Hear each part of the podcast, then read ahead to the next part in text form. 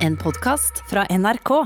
Etter at Stortinget vedtok at det må være opp til kommunene å bestemme om de vil ha skjenking i sin kommune dersom de har lavt smittetrykk, har det oppstått en stor debatt om eh, ja, hvor grensene går for hva Stortinget bør blande seg med i en krisesituasjon som denne, der veldig mange av eh, vurderingene rundt politikken egentlig er tuftet på eh, smittefaglige råd og vurderinger. Eh, så den debatten skal du få høre. Du skal jo også da få høre den tilliggende debatten som handler om Stortinget egentlig burde ha begynt med alkohol som det aller første den grep tak i, når den først ville endre eh, regelverket på dette området. Da Stortinget endelig skulle og kunne mene noe om smittevern, lettet de ikke på tiltakene for barn og unge, ikke for sørgende familier, ikke for teater- og kinogjengere, ikke for idrettsutøvere, men for pub- og bargjester.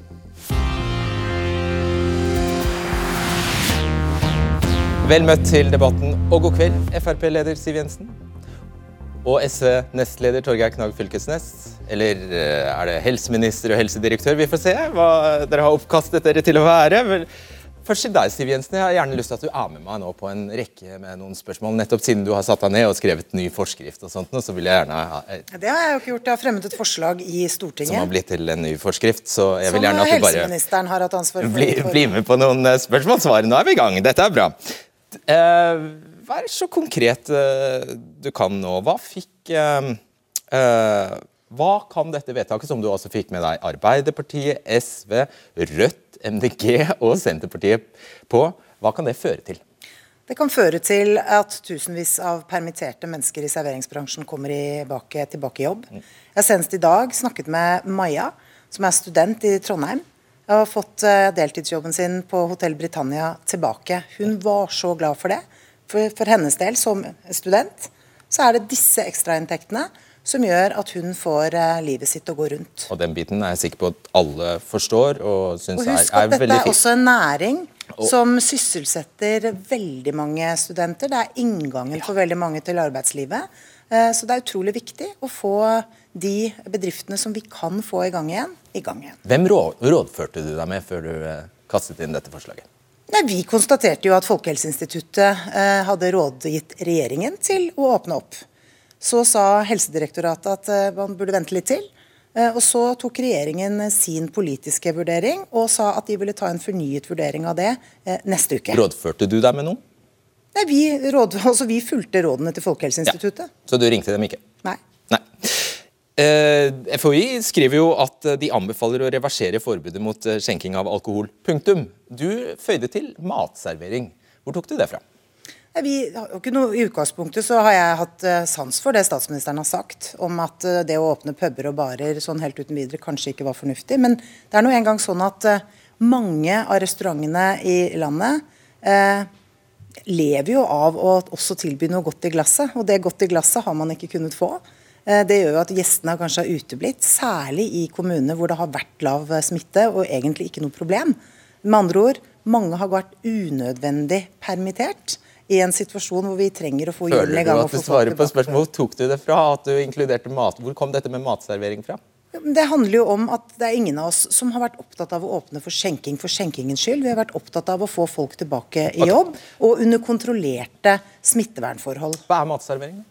Ja, Det er mat. Hva er mat? Ja, men dette er bestemt Nei! av Nei! Hva er det nøtter? Nei, men nå må du slutte Nei, å tulle. Det er ikke. ingen som Er det mener nøtter? at det å kjøpe et glass med nøtter skal åpne for men, men Er det tortilla, da? Nei, hør her. Hovedpoenget vårt har vært følgende. Det har vært å legge til rette for at kommunene selv kan avgjøre etter hvorvidt det er mye eller lite smitte, om de ønsker å åpne det for det eller ikke. Og det er akkurat på samme, vent litt nå, det er akkurat på samme måte som kommunene selv avgjør om eh, treningssentrene skal være åpne eller stengt, ettersom smittetrykket er høyt eller lavt. I Oslo hvor jeg bor, her hvor vi er nå, så er det høyt smittetrykk. Med andre ord helt andre forhold. Og Raymond Johansen har sagt at de kommer ikke til å legge til rette for det. Og det Grunnen syns jeg er helt til at jeg spør om dette med mat, Siv Jensen, altså fordi eh, Skal man kunne ta med mat? Skal man kunne ta, ta med mat inn på baren? Jeg har veldig stor tillit jeg, til at hver enkelt kommune klarer å organisere dette selv. Det er ikke jeg som skal bestemme dette. Har du Det- tenkt over det? Ja, jeg har tenkt over at jeg mener det er fornuftig at det kommunale skjønn kan ligge til grunn. Og vi må altså kunne stole på at eh, kommunene våre og Så da kan man politikerne velge, våre klar... Jo, men det er, vet du hva, det er så stor forskjell Ja. på Oslo med høyt smittetrykk og Gamvik Mat kommune mat. som ikke har hatt et eneste smitteutbrudd. Og Derfor har vi vært opptatt av å legge til rette for at lokalpolitikerne selv kan Det- gjøre den vurderingen. Grunnen så nå mener jeg at du prøver å karikere Nei, denne grunnen diskusjonen. nå skal jeg forklare hvorfor jeg spør Siv Jensen. For jeg skjønner, at, jeg skjønner at det kan virke helt, eh, helt Ja, eh, smålig og idiotisk av meg å terpe på hva mat er. Grunnen til at jeg spør, er jo at det sitter et helt embetsverk. Det sitter direktorater og departementer, byråkrater, som har, til, som har til oppgave å sitte og spikke på formuleringer i paragrafer, i forskrifter. Det, du, du vil ikke kunne gjøre dette fullbyr, du vil ikke kunne fullbyrde det arbeidet du har lagt ut på, hvis du skal sitte sånn og bestemme hm, matservering, det må man ha. Men da må man definere matservering. Det, så det, Poenget mitt er bare at det vil bli en altfor stor jobb for Stortinget å være så Men det er heller ikke Stortinget som fastsetter forskrifter. Det Stortinget vedtok, var å be regjeringen gjøre endringer i regelverket. Eh, Når Stortinget fattet det vedtaket, så tok helseministeren sin vurdering og opphevet forbudet. Den er god. Kom tilbake til deg, Siv Jensen. Torgeir Knag Fylkesnes. Dere skriver altså at i kommuner med lavt smittetrykk skal man kunne oppheve skjenkestoppen. Hva er lavt smittetrykk? Vi eh, har et eh, smittevernlov der vi definerer eh, røde kommuner, oransje kommuner, og så er det de kommunene som ikke har den type farger, som er under der. Der det er et lavt smittetrykk. Det vil være et naturlig sted å begynne. Men det valgte jo ikke regjeringa å gjøre. De lot det, overlot det til kommunene. Men din mening, hvorfor skrev du ikke det, at kommuner på grønt nivå skal kunne oppheve skjenkestoppen? Nei, altså, sånn vi jobber på Stortinget, så legger Stortinget ramme. Vi går ikke inn og definerer Dere går inn og mener at det skal være matservering der? som Jo, men? Det, det er ikke Stortinget som skal sitte og finne på hvordan å definere mat. Det er jo noe vi overlater til regjeringa. Forslaget Det var dere som fant på at det skulle være mat. Ja, men hør nå her. Stortinget ber regjeringa. Det er hele utgangspunktet. Stortinget bør ikke sitte og definere sånne ting. Det må overlates. Men Stortinget skal sette ramme. Ok. Ja. Kan alkoholservering føre til økt smitte, tror du? Det kan det. Hvis det er det smitte, så kan det bidra til det. Hvorfor gjør dere det da? Nei, som jeg sier, eh, i, i kommuner der det er lavt smittetrykk Altså Ekstremtilfellet her er jo f.eks. Gamvik kommune. Det har ikke vært et eneste til, tilfelle av covid der. De er da underlagt det samme veldig inn, eh, inntrengende begrensninger, der de ikke kan servere. Kan- Og Da er spørsmålet er det greit å åpne der. Og Det, det jeg frykter her, det er jo to ting. Eh, og det er at hvis du kjører et veldig høy, høy grad av smitteverntiltak i kommuner med nesten ingen smitte, da vil folk etter hvert miste troa, og det kan få store konsekvenser for hele smittevernarbeidet. Og så er det det andre, og det, det, jo, det strekker seg jo langt utover skjenking, men på andre tiltak. For mye smitteverntiltak er farlig også i seg sjøl. Fordi at det kan gå utover barn og unge, eldre Ja. osv. Du, 18 i- ønsker vi en større grad av Det er todelt begrunnelse. I går sa du på Dagsnytt 18 at dere hvis dere skulle gjort en helhetsvurdering, ville dere ikke begynt med skjenking, men i stedet barn og unge. Hvorfor begynner dere da med skjenking? Ja, Det var jo på eh, direkte spørsmål om eh, hva jeg personlig mener. Ja. Men denne Du type må jo stå ansvarlig for det du har vedtatt. Ja, men altså, det, Min personlige mening er at dette skal være en vurdering som skal gjøres i kommunene. Det er de som er nær, det er de som må Nei, gjøre sine det, vurderinger. altså, du sa Dette, dette er jo et direkte Du har veldig lyst til at jeg skal lage en prioriteringsliste. Det får du aldri av meg, for det skal faktisk være opp til kommunene. Det er det? de som er Nei, altså, hvorfor i all verden skal jeg sitte på Stortinget å finne ut hvordan smitteverntiltak som skal være i Tolga kommune eller Tynset? Det må de kunne finne Du kunne har jo nettopp bestemt at de skal kunne skjenke Nei, poenget mitt er at der det er, og dette er jo begge to kommuner der det omtrent ikke er smitte, der det er lite smitte, skal det også kunne være mindre smitteverntiltak. Ikke sant? Og så må man vurdere lokalt. Kan, man da, man kan du da finne på å prioritere barn og unge der det er lite smitte? Ja, jeg mener jo det er veldig naturlig, ikke sant? men her vil det kunne være forskjellige vurderinger. det Her vil det være forskjellige vurderinger. Altså, vi vet at det er spesielt barn, unge og eldre som har blitt mest ramma. Ja, ja. Og Da handler det om å ikke utsette disse gruppene for for mye smitteverntiltak. Og Det er det som er vår kritikk av regjeringa, at man differensierer ikke mellom kommuner der det omtrent ikke er, og der det er mye smitte. smitte. Jeg gir meg, jeg kommer ikke noe videre på akkurat den. Jeg skjønner det. Nei, velkommen det nå til Da skal jeg ønske velkommen til overlege ved Universitetssykehuset i eh, Nord-Norge, Mats Gilbert, og til helseminister Bent eh, Høie. Men eh, aller først, En liten sveip innom Marianne Sivertsen Næss, ordfører i Hammerfest, og Erik Teigen, eier av skigården i Hemsedal. Start med deg, Næss. I morgen åpner dere kranene i kommunen, og du har vært helt tydelig på at det var på tide. Hvorfor det? Vi som kommune har tatt til orde for at vi må få en større regional differensiering av smitteverntiltak. For vi ser ikke at de tiltakene som har vært i det siste, har effekt på den smitten som vi har i vår kommune, som er importsmitte. Så det med skjenkestopp det var en del av flere tiltak som vi mente at her må man eh, få anledning til å se smittesituasjonen lokalt. Vi var bl.a. veldig tidlig ute med å si at det å få skolene over i rødt nivå, det var ikke riktig. Vi hadde ikke smitte i skolene våre, så det ble betegnet som et uh, forebyggende tiltak, og det er feil. Men dere, ja. mm. Bare fortsett. Ja. Nei, og så åpna vi også hallene før regjeringa kom og sa at man kunne åpne hallene. For det er jo anbefalinger regjeringa kommer med. Og vi er veldig opptatt av at vi skal se de lokale forholdene og, og fatte vedtak ut fra smittesituasjonen som vi har. Nettopp. Og så skal vi legge til at dere hadde jo et stort smitteutbrudd her eh, tidligere i vinter, som bl.a. rammet sy var det sykehuset. Hva gjør dere nå da hvis, eh, hvis eh, det viser seg at det kommer et utbrudd på serveringssteder som dere da har åpnet? Jeg vil bare si at det utbruddet som var i Hammerfest i høst, det hadde jo sitt episenter på sykehuset, og smitten kom derifra. Men det kom ikke ut i samfunnet på den måten at vi var nødt å dra eh, strenge tiltak og veldig inngripende tiltak. Så vi har faktisk fått veldig god erfaring med å følge metoden som går, altså den strategien med TISK. Altså Vi testa utrolig mange, smittesporinga fungerte, vi satt folk i karantene og selvfølgelig isolasjon, de som var positive. Så det er jo den strategien som vi har erfaring med virker. Og ikke minst det at man bruker målretta tiltak som har, eh, føles logisk og som oppleves å ha effekt. Nå må du sikte deg inn på et svar på spørsmålet mitt. fordi hva gjør, du, hva gjør du hvis det nå kommer et utbrudd på et av skjenkestedene? Vil du da synes det var dumt å åpne? Vi vil bruke TISK. Da må vi ta ut de personene som eventuelt er smitta. Vi har hatt én ansatt på et spisested som fikk eh, korona. Den personen ble selvfølgelig isolert. Eh, utestedet stengte ned i uka. Vi testa alle ansatte. Og alle som hadde vært på det stedet den dagen, ble bedt om å være varsom. Og Sånn slo vi ned det utbruddet. Det kom ikke noe mer smitte verken blant ansatte eller gjester. Så TISK er en veldig mm. effektiv metode og er målretta. Takk for at du var med, Marianne Næss. Jeg hopper videre til deg, Erik Teigen. Du eier altså skigården i Hemsedal, og dere åpner altså kranene igjen for middagsgjestene deres. Teigen. Hvilke konsekvenser har skjenkestoppene fått for dere? Den uh, har vært ganske dramatisk. Vi opplevde umiddelbart 80% nedgang i omsetningen på restaurantene våre. Og selv med alkoholen borte så forsvant uh, eh, 65% av matomsetningen. Så for eh, Hemsedal sin del, og for Skigården spesielt, så har det vært en uh, veldig alvorlig sak. Og vi føler også at den har vært uh, veldig urettferdig og rammet et næringsliv som vi driver her oppe, veldig hardt. For helt... Hemsedal kommune Ja? Nei, bare fortsett.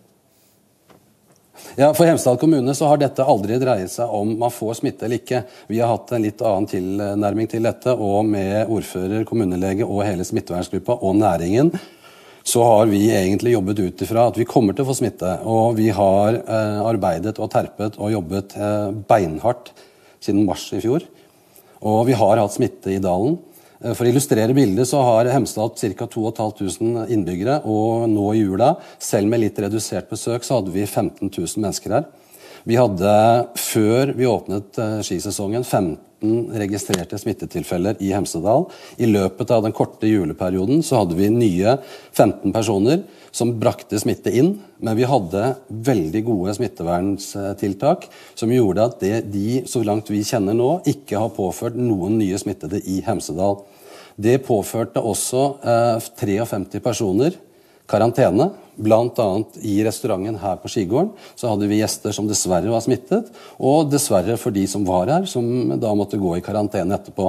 Men det viser at hvis man jobber hardt, målrettet og er godt forberedt, så er dette eh, noe som vi har i hvert fall sett at vi har hatt gode resultater med. Tusen takk skal du ha.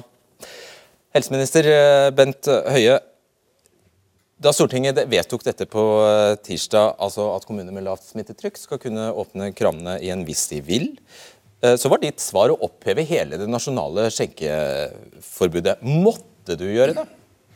Ja, Det var det jeg oppfattet var Stortingets intensjon. for Stortinget lener seg jo veldig som Siv Jensen her sa, på Folkehelseinstituttet sin anbefaling, som jo nettopp var at dette skulle gjøre som vi hørte i innslaget her, at kommunene skulle bruke sitt, eh, sin vurdering. Og Det er ikke sånn som eh, SV sier, at vi har en smittevernlov som i Norge rangerer kommunene som gule og oransje og sånne ting. Det er helt feil.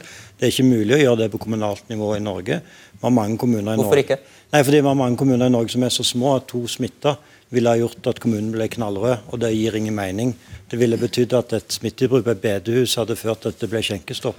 Så det, det ikke, Vi har ikke det på kommunalt nivå. Vi gjør, på, vi gjør den type vurderinger på regionsnivå i Norge. Men det vi har, det er at vi har et system som innebærer at eh, kommunene i Norge kan velge å ha strengere regler enn det vi har nasjonalt. Eh, men de kan ikke ha mildere regler enn det man nasjonalt. Og Det er den tenkningen som vi har hatt gjennom hele ja, men pandemien. Spørsmålet mitt gikk på om du måtte, og så lenge dette er ja. menneskeskapte regler, så, tenk, eh, så, regner jeg med at menneskene kan endre, endre logikken i systemet også. Det er helt riktig. Så vi kunne ha snudd det på hodet og ja. sagt at eh, alle hadde skjenkestopp, og så måtte de oppheve det lokalt. Men det hadde jo blitt akkurat det samme resultatet. Ja, men de kunne ha gitt, altså Det du har gjort, er jo å påføre 350 kommunestyrer en hel masse knoting på Teams og Nei, greier for, det, det for å få fattet vedtak i hui og hast. For Fredrik, å, for det, det, er faktisk det motsatte. Det, den måten jeg har gjort det på, er den måten som kommunene er trent til å håndtere det på.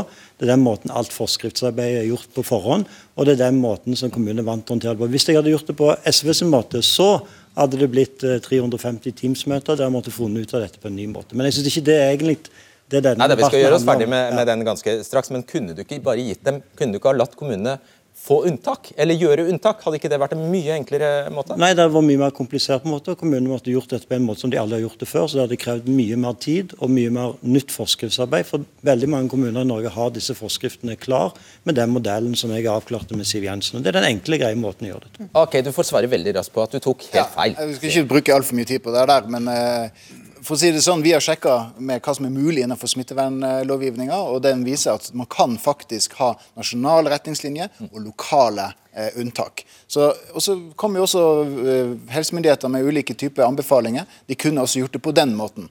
Eh, men Helseministeren valgte å gjøre det på en måte som Stortinget egentlig ikke hadde tenkt. Men greit nok, la oss bare gå videre derfra, da. Jeg tror også vi prøver å gå videre fra, fra det. For la oss snakke sak. Hva, hvordan argumenterer du overfor Bent uh, Høie, egentlig?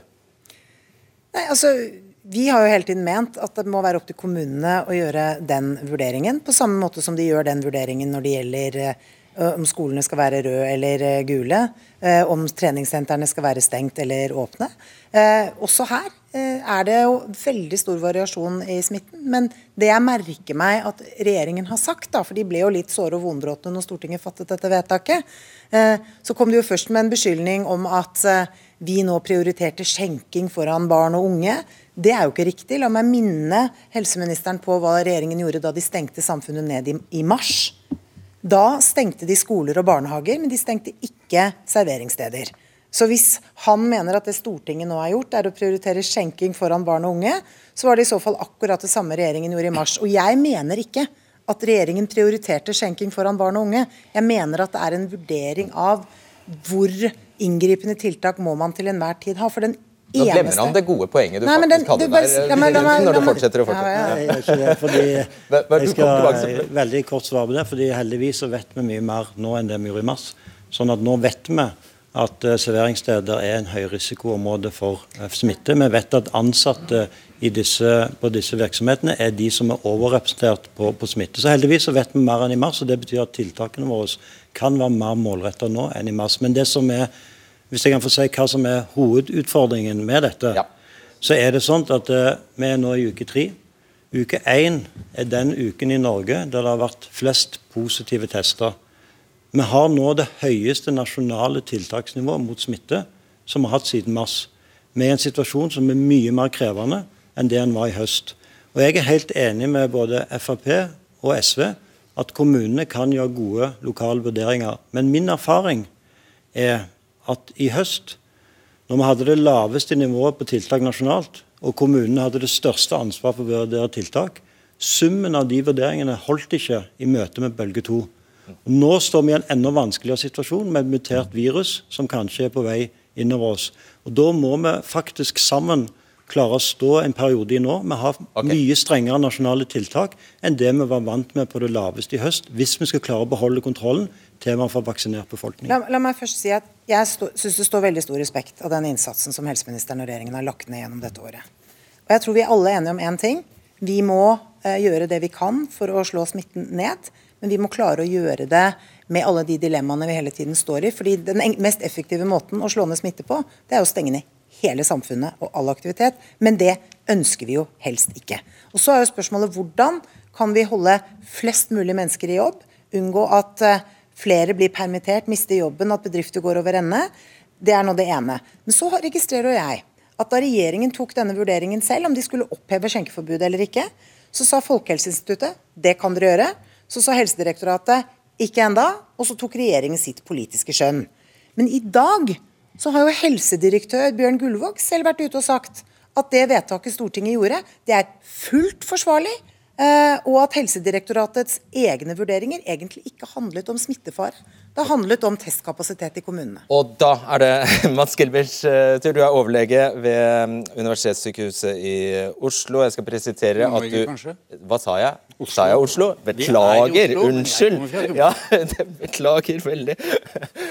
Nord-Norge, selvfølgelig. Presiserer at du ikke snakker på vegne av sykehus, men du er her som, eh, som ansatt, kan man vel kunne si.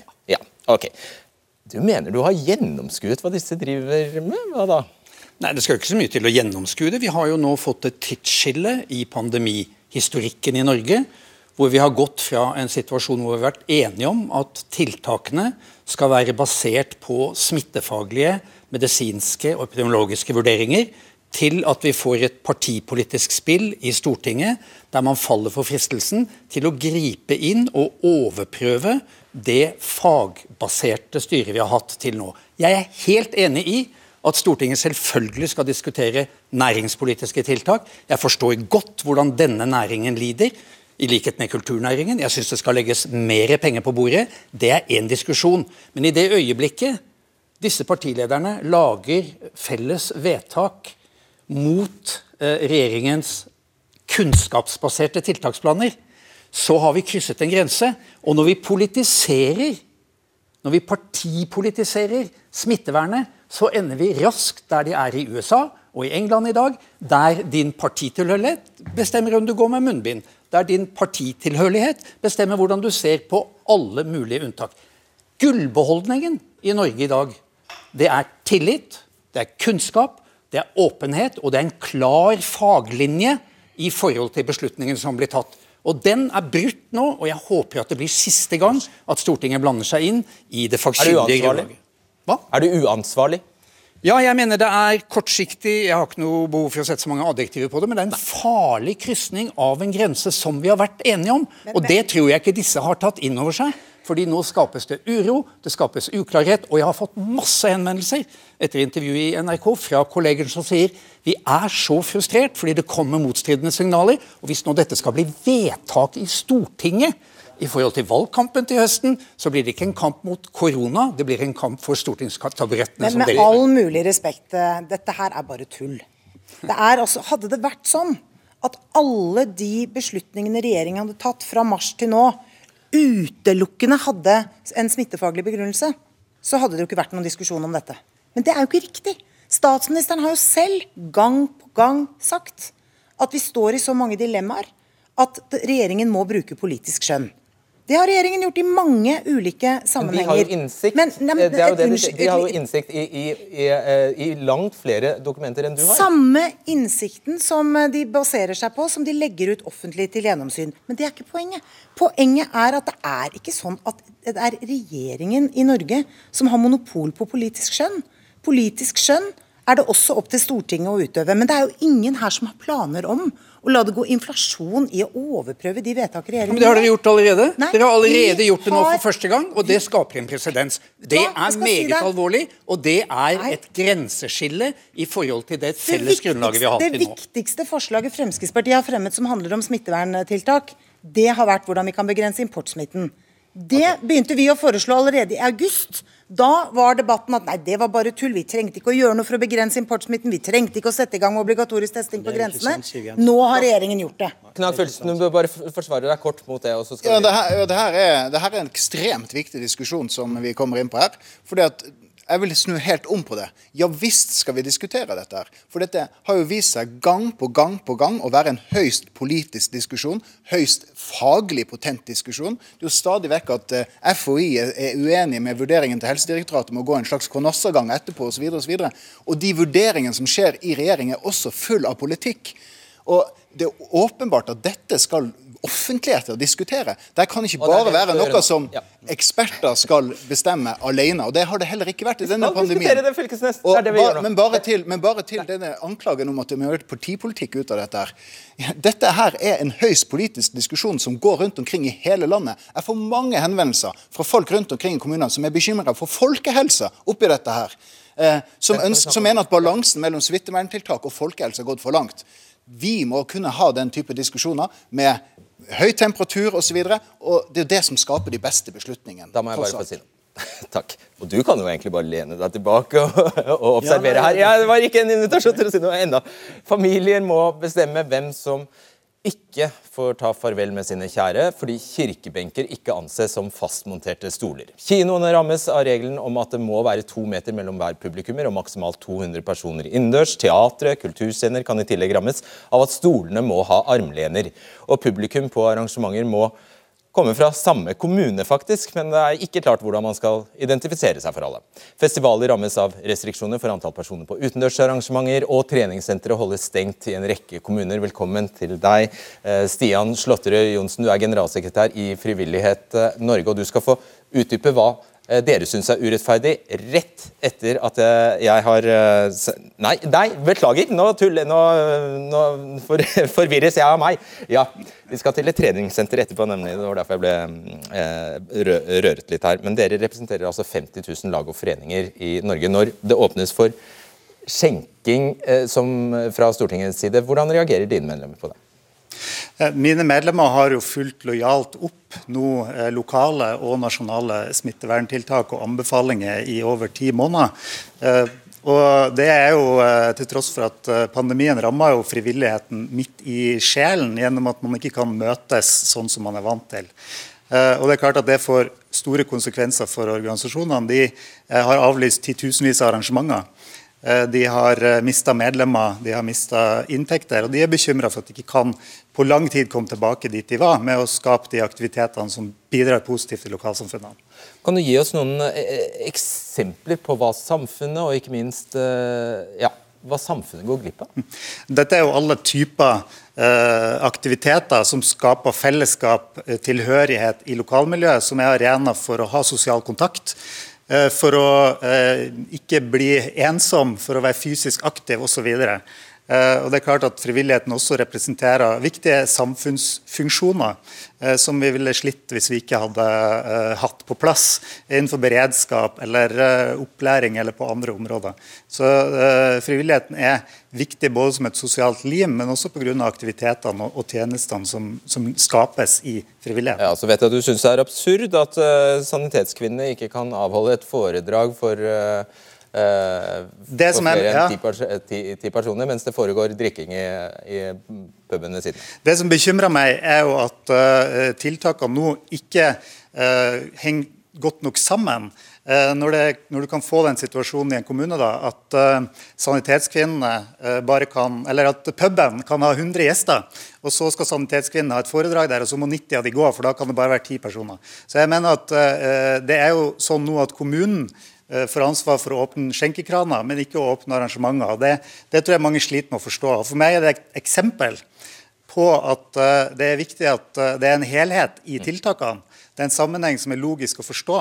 Jeg vil jo oppfordre politikerne til å ikke la det gå eh, valgkamp i smittekampen. Altså Her trenger vi tilliten til at tiltakene henger sammen og fungerer. Takk skal du ha, eh, Johnsen. Du skal få eh, skifte plass med Ivar Horneland Christensen, som er administrerende direktør i Virke. Men i mellomtiden, før, før Christensen kommer på plass, vil du reagere på det? Nei, altså, jeg synes Han har et veldig godt poeng. og Det var også for så vidt det jeg sa til Stortinget. og Det var jo, sa jeg til Stortinget før jeg visste at de gjorde dette vedtaket. Nemlig at vi nå kommer til å stå i en situasjon der det finnes veldig gode argumenter for å lette på enkelttiltak. Fordi vi er veldig det er veldig lett å se hvordan enkelttiltakene rammer folk, rammer næringer. Utfordringen vår er at hvis vi bare ser på enkelttiltakene, så vil summen av de tiltakene vi står igjen med, ikke være tilstrekkelig til å holde smitten nede. Og Derfor så sa jeg, og det ble noen veldig provosert av, at når Stortinget har prioritert å oppheve skjenkestoppen, så betyr det at jeg har fortsatt ansvar for helheten. Det betyr at jeg må da være mer forsiktig med å lette på noen av de tiltakene som vi fikk høre her, nettopp fordi at jeg er nødt til å være trygg på at vi i sum har tilstrekkelige tiltak i Norge til å holde smitten nede. Og vi må betydelig ned i forhold til det vi nå, før vi kan få vesentlige lettelser. Jeg syns jeg ser de ble provosert eh, for andre gang også her, og det skal de få gi uttrykk for eh, straks. Eh, først, Hilde Tom Thommessen Holk, du er administrerende direktør i treningskjeden Trete i Trøndelag. er med oss fra, fra Ja, du holder åpent, det ser vi jo. Du er med oss fra Trondheim. Uh, og det har dere faktisk eh, Dere har holdt åpent uh, hele tiden. Dere. Hvordan kan det ha seg? Du, Vi har en kommune som Trondheim kommune er veldig foroverlent. Og med tanke på folkehelsa så har de fokus på det. Og de har vært i dialog med oss. Og de har vært i dialog med hele bransjen. Og en god dialog som har ført til at de har lært hvordan vi gjør smittevern som vi tar veldig alvorlig. Eh, og de har sikkert også en del tall eh, på hva, hvor smitten kommer fra osv. i kommunen. Så i hvert fall så har vi sammen klart å holde bransjen vår åpen her i Trondheim. Og det er vi kjempestolt over å ha en så framoverlent kommune. For eh, her har vi gått inn og så har vi tenkt at eh, på lik linje som skolene Eh, har eh, rødt og gult nivå, så har vi eh, klart å få til et smittevern som sier det, den bransjestandarden vi ellers har hatt, er på gult nivå, og nå har vi trappa opp smittevernet for å få lov til å holde åpent. For det må jo sies da at vi har hatt en smittetopp nå her i Trondheim eh, i juletider. Sånn at vi har holdt åpent under smittetoppen. Nå er det kontroll på tallene, heldigvis.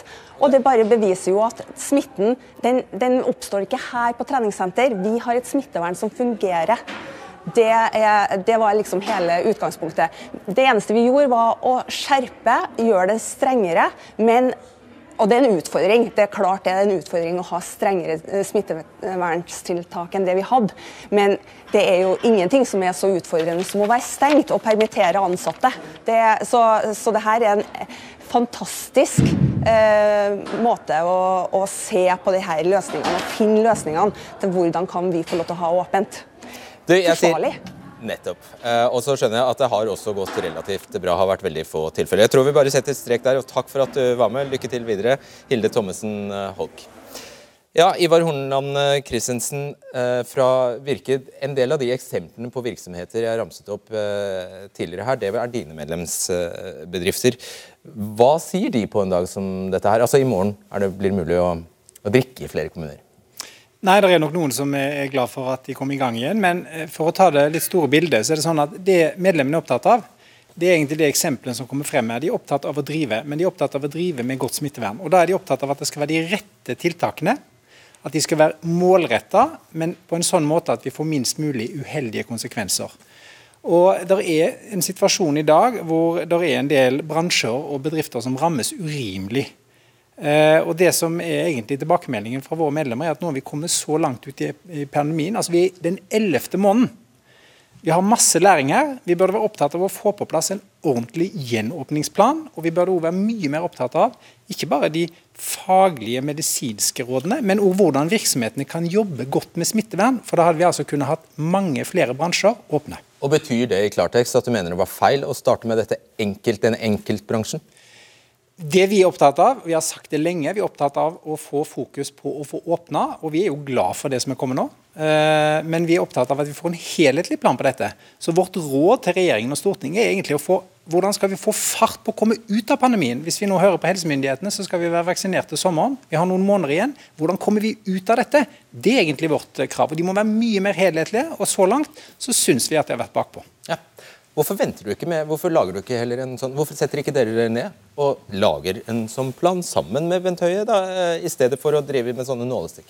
Det vil jeg veldig gjerne gjøre. Jeg utfordret jo statsministeren ved flere anledninger i debatten i Stortinget denne uken på gjenåpningsstrategi.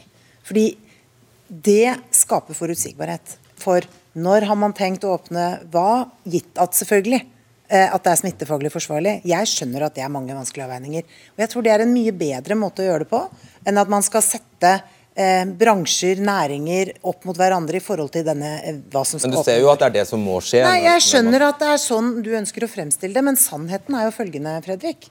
At regjeringen hadde selv sagt at det eneste tiltaket de skulle ta en fornyet vurdering av neste uke, ja, det var skjenkeforbudet. Det bekreftet statsministeren i går, at det var det eneste tiltaket de skulle ta en fornyet vurdering av. Så om Stortinget ba, tok den beslutningen noen få dager før regjeringen eventuelt kom til å ta den, det spiller strengt tatt ingen rolle. Men det viktige er ikke at vi i Stortinget skal sitte og diskutere når skal eh, kultursektoren åpne, når skal det andre åpne.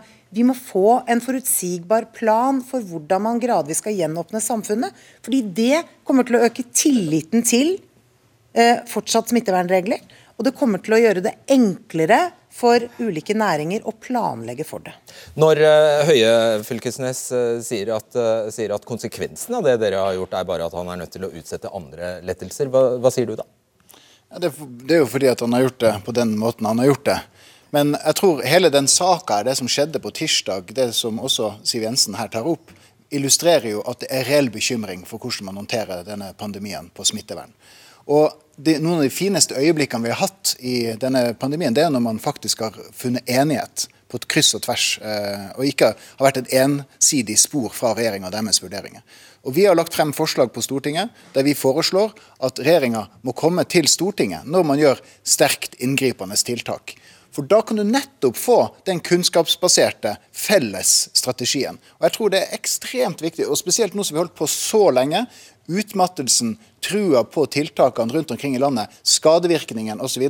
begynner vi å se, uh, se veldig tydelig. Da tror jeg det er veldig klokt at regjeringa nå omfavne det forslaget som SV har fremma, eh, og, og, møte oss, rett og slett. Istedenfor at man bare skal eh, være opptatt av egne beslutninger. Høie og så Gilbert. Det er dessverre sånn at uh, Den situasjonen som vi står i nå, er veldig alvorlig. Uh, og Vi vil ha, sannsynligvis kunne ha behov for veldig raske innstramminger igjen.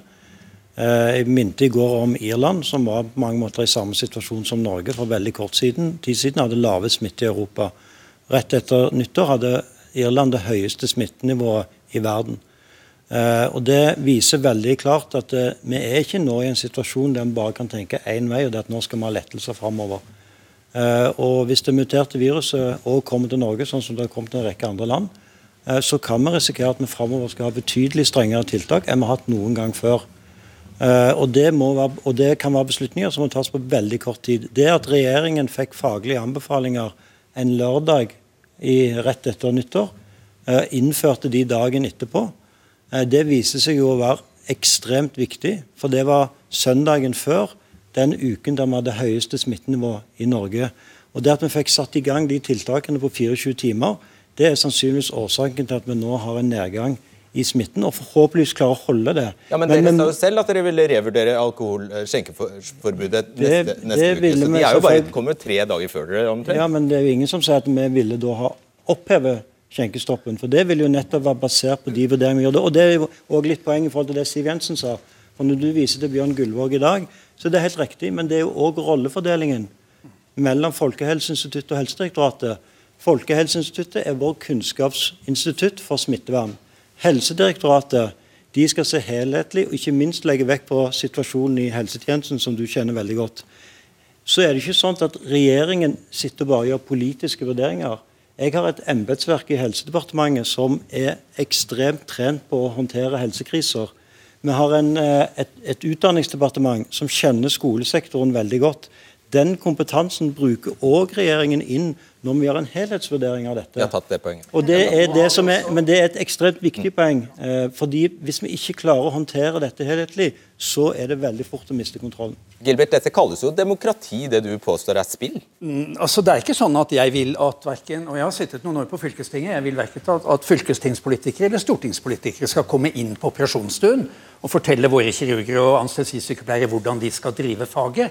Dette, ikke, dette, handler ikke om å avpolitisere diskusjonen om smittevern, men det handler om et tydelig skille mellom det som er næringspolitisk, samfunnspolitisk, og det som er smittevernfaglige tiltak. Man kan jo tenke seg tanken Siv Jensen, at den gode situasjonen vi har i Norge i dag, skyldes klok ledelse, tydelige tiltak, knallsterke fagmiljøer. Ikke splittelse, men enhet fra bånn til topp. Og en lojal befolkning som føler at det er en trygg ledelse. Og vi er nesten i mål. Jeg har lyst til å si til Virkes representant, Kan vi holde pusten kanskje i to måneder til? Så slipper vi unna en eksplosjon. Og da må det selvfølgelig penger på bordet.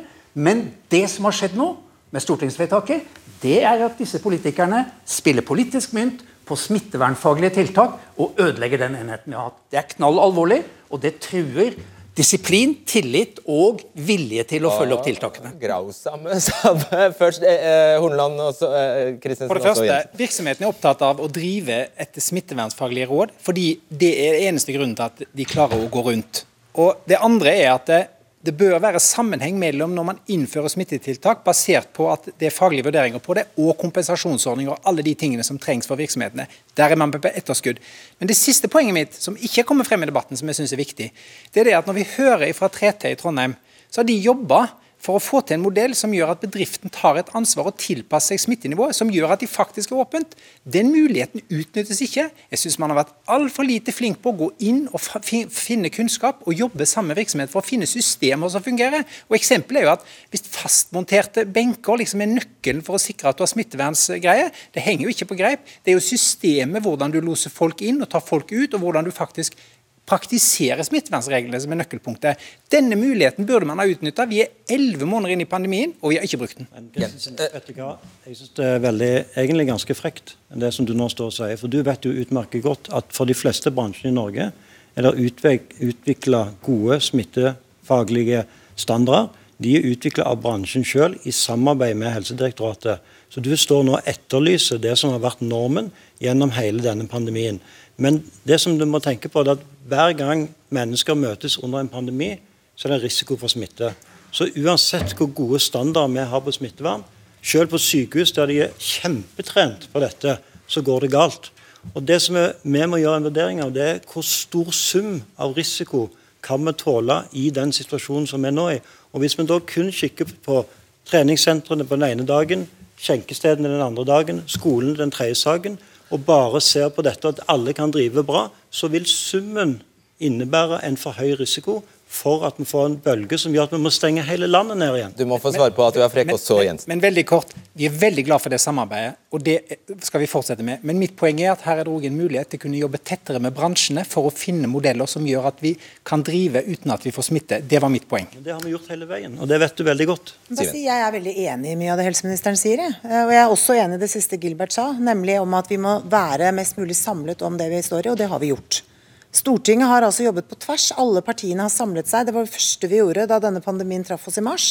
Eh, vi la partipolitikken til side, jobbet på spreng for å forsterke de tiltakene som vi mente regjeringen var bakpå på.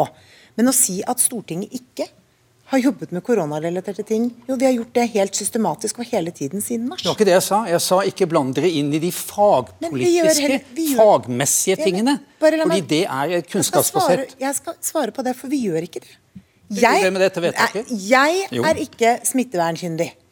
Jeg kan ikke smittevern, og jeg har ikke tenkt å prøve å late som jeg kan det. Men det er heller ikke helseministeren. Helseministeren og jeg er politikere.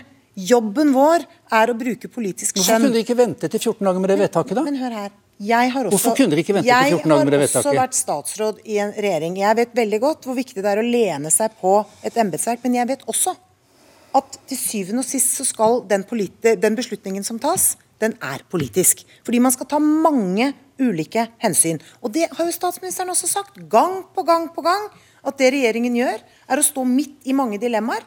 Og så må man finne en avveining fordi altfor strenge tiltak har en konsekvens i forhold til sosial uro, i forhold til ensomhet, i forhold til isolerte eldre og alle disse tingene. Nei, vi, vet du hva, jeg skal si deg en ting. Jeg kommer til å forbeholde meg retten til å ta del i denne diskusjonen. Der helseministeren, snakker, der helseministeren daglig snakker med Folkehelseinstituttet og Helsedirektoratet, så snakker jeg med folk flest. Jeg snakker med bedriftene der ute, hører på hva det er som rører seg. Og det kommer jeg til å fortsette med. Hva er målet for Frp? Jobb. Det er Hvilken R vil dere ha? Vil du høre hva jeg har å si? Jeg hører, men jeg vil ha en som, R. Som folkevalgt så er det min plikt å snakke med folk, lytte til de utfordringene de har, og prøve å gjøre det jeg kan for å løse problemene. Og den retten forbeholder jeg meg å ha hele veien gjennom, også i en valgkamp, selv om vi står i en pandemi.